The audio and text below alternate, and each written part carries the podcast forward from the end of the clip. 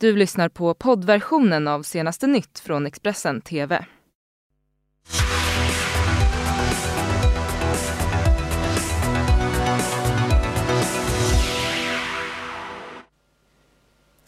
God morgon och välkommen till senaste nytt där det blir blivit dags för nyheter.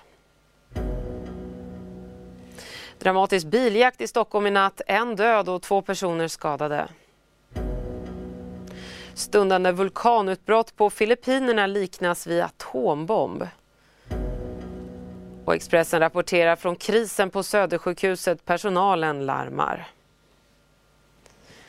Ja, en person har dött och två personer skadats eh, i en olycka i samband med en biljakt i södra Stockholm i natt. Nu är jag med mig Per Fahlström från Stockholmspolisen. Per, vad kan du berätta om den här händelsen? Ja, det var eh, i samband med ett förföljande som vi hade strax efter midnatt i natt. Eh, det var en eh, bil som eh, vägrade stanna på polismanstecken och körde därifrån och kolliderade sen med två andra bilar i, vid korsningen Örbeleden-Grycksbovägen i Bandhagen. Mm. Och nu är det alltså en av personerna som har omkommit. Är det föraren eller är det eh, någon av de personerna som, eh, personen, som han krockade med? Eh, det, var, det är tre personer som fördes till sjukhus med ambulans och ambulanshelikopter. Och de var mycket allvarligt skadade, alla tre. Eh, och eh, vi inledde i natt då en förundersökning gällande eh, grov vårdslöshet i trafik eh, och grovt vållande till kroppsskada. Nu är den eh, brottsrubriceringen ändrad till eh, grov vårdslöshet i trafik och eh, grovt vållande till annans död. Eh, och även eh, tillgrepp av fortskaffningsmedel då det visade sig att den här bilen var tillgripen. Mm. Så det är inte föraren som har omkommit om jag tolkar det rätt då? Eh, om du tänker på föraren som eh, körde från polisen där så är Den det stulna så. bilen, precis. Ja, nej det var inte den föraren. Nej. Mm. Eh, Är den här personen som eh, nu är misstänkt, är han känd av polisen tidigare? Det vill jag inte kommentera. Nej. Kan du säga um, ytterligare någonting kring um, vad som händer nu eller skadeläget för de andra skadade? Du sa att alla tre var allvarligt skadade. Ja, de är allvarligt skadade. Eh, eller en har ju avlidit eh, och anhöriga är underrättade och två är allvarligt skadade. Vi har anmält, eh, som vi brukar göra i de här fallen, eh, till åklagare eh, den här händelsen, eh, till särskilda åklagarkammaren. och och ehm, eh, eh, det kommer ju ske en utredning såklart om vad som, vad som har hänt. Mm. Ja, tack så mycket Per Fahlström, Stockholmspolisen, för att du var med och berätta om det här.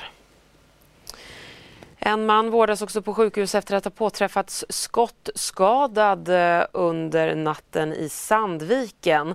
Det är dock oklart eh, var exakt skottlossningen ägt rum och utredningen har försvårats av att han inte vill berätta vad som har hänt. En förundersökning om grov misshandel har upprättats men det finns ingen person misstänkt för brottet. Så ska vi fokusera på händelseutvecklingen i Filippinerna en stund. Vulkanen Tal som fick ett utbrott, ett inledande sådant, i söndags förväntas få ytterligare explosiva utbrott. En statlig meteorolog beskriver det eventuella utbrottet som en atombombsexplosion men med mindre energi. Och på grund av asktornet som sköts upp i luften i söndags så har över 500 flyg till och eh, från landet ställts in.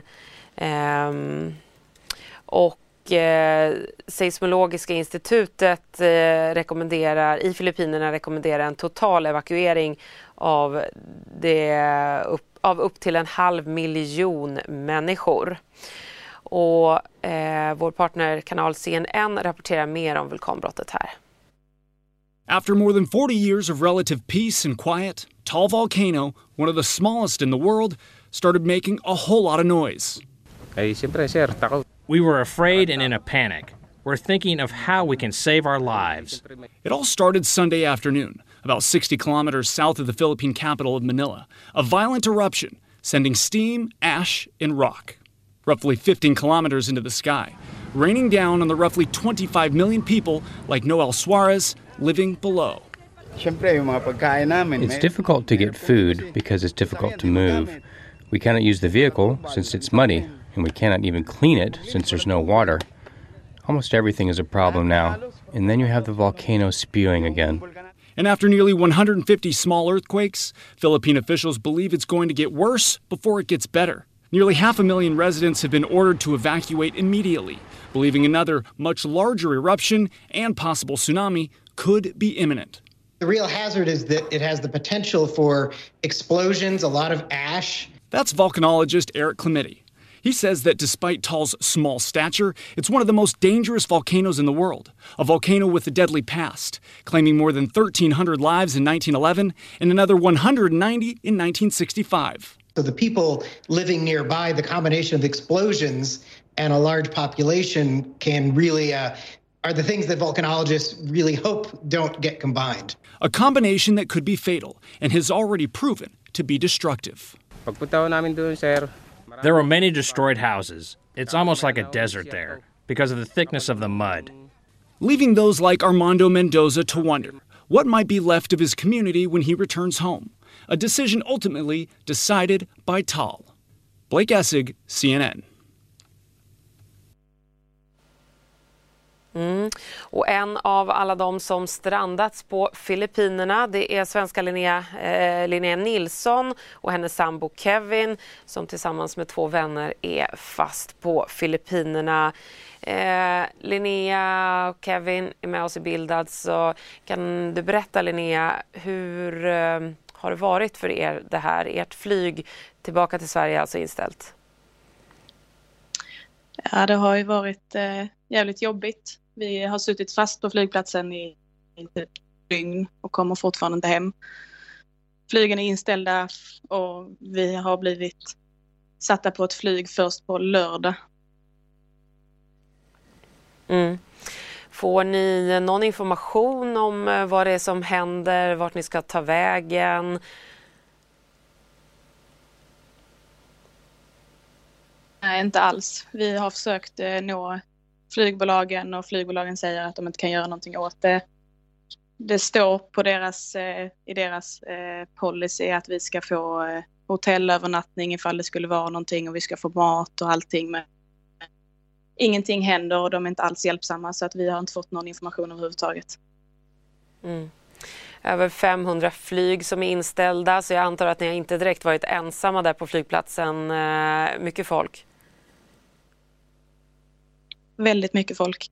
Väldigt klaustrofobiskt. Och alla vill fram. De fick till poliser igår kväll i kön för att allting var så ka kaotiskt. Mm. Folk svimmar också lite överallt. Jaha, ja.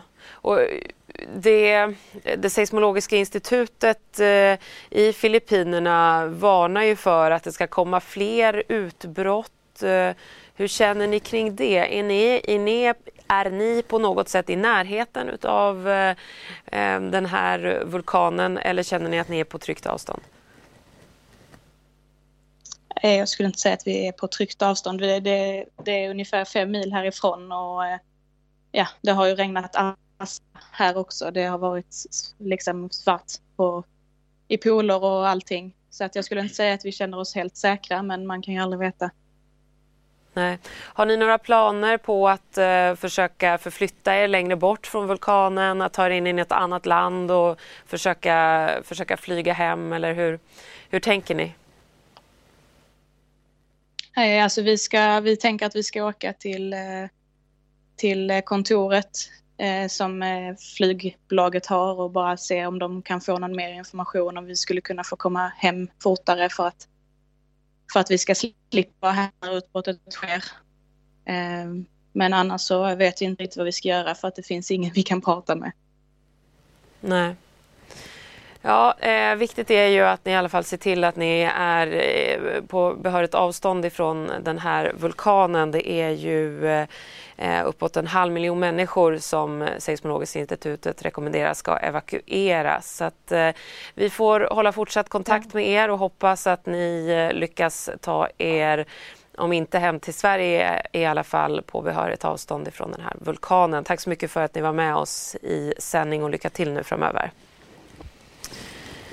Så går vi vidare i sändningen. Vi ska inrikes nu. För de senaste helgerna så har det varit ett hårt tryck på akutmottagningarna i Stockholm.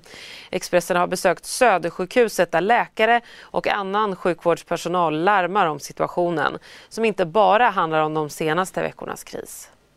Jag skulle eh, önska att det var mycket, mycket bättre och jag skulle helst inte vara var väldigt sjuk idag och framförallt inte om jag är äldre och inte har några eh, starka anhöriga som kan tala för mig.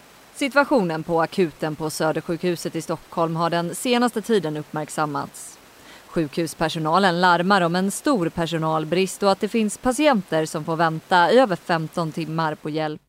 Så var det faktiskt ett par kollegor som sa upp sig från läkarsidan. Eh, på studs? efter den här helgen. Eh, nu kanske de hade tänkt lite, lite längre men det är absolut stort relaterat till arbetsmiljöfrågor. Eh. Att det är dubbelbritsade korridorer och att vi missar röntgentider för personalen hinner inte att kolla röntgentavlor och så vilket fördröjer undersökningar på patienter. Patienter som ligger uppemot ett dygn på britsar. Personalen som Expressen pratat med understryker att situationen inte är ny utan har byggts upp under en längre tid. De anser att politikerna bör lyssna på sjukvårdspersonalen. Finansregionrådet Irene Svenonius säger att fullt fokus ska ligga på rimliga väntetider och att situationen som den är nu är allvarlig. Men hon säger också att hon skulle känna sig trygg med att bege sig till vilken akutmottagning som helst i Stockholm och vänta så att patienter som är svårare sjuka kan gå före. Då skulle jag vilja se henne ligga där med gallsten eller något annat smärtsamt som inte är så farligt men det gör väldigt ont i korridoren 12 timmar. Eller ja, det är nog mer, 15 timmar. Hur känns det för dig att jobba under de här omständigheterna? Eh, det är en extrem etisk stress för jag kan inte utföra det jobbet som jag är utbildad till att göra och jag eh, blir tvungen att se de här människorna och deras anhöriga i ögonen eh, och det är fruktansvärt faktiskt. Att, att känna den etiska stressen som det innebär för oss. Vi mår ju jättedåligt å patienternas vägnar. Och med den rapporten ifrån personalen på Södersjukhuset så tar vi en kort paus. Du har lyssnat på poddversionen av senaste nytt från Expressen TV. Till förordnad ansvarig utgivare är Klas Granström. Ett poddtips från Podplay. I fallen jag aldrig glömmer djupdyker Hasse Aro i arbetet bakom några av Sveriges mest uppseendeväckande brottsutredningar går vi in med hemlig telefonavlyssning och, och då upplever vi att vi får en total förändring av hans beteende. Vad är det som händer nu? Vem är det som läcker? Och så säger han att jag är kriminell, jag har varit kriminell i hela mitt liv men att mörda ett barn, där går min gräns.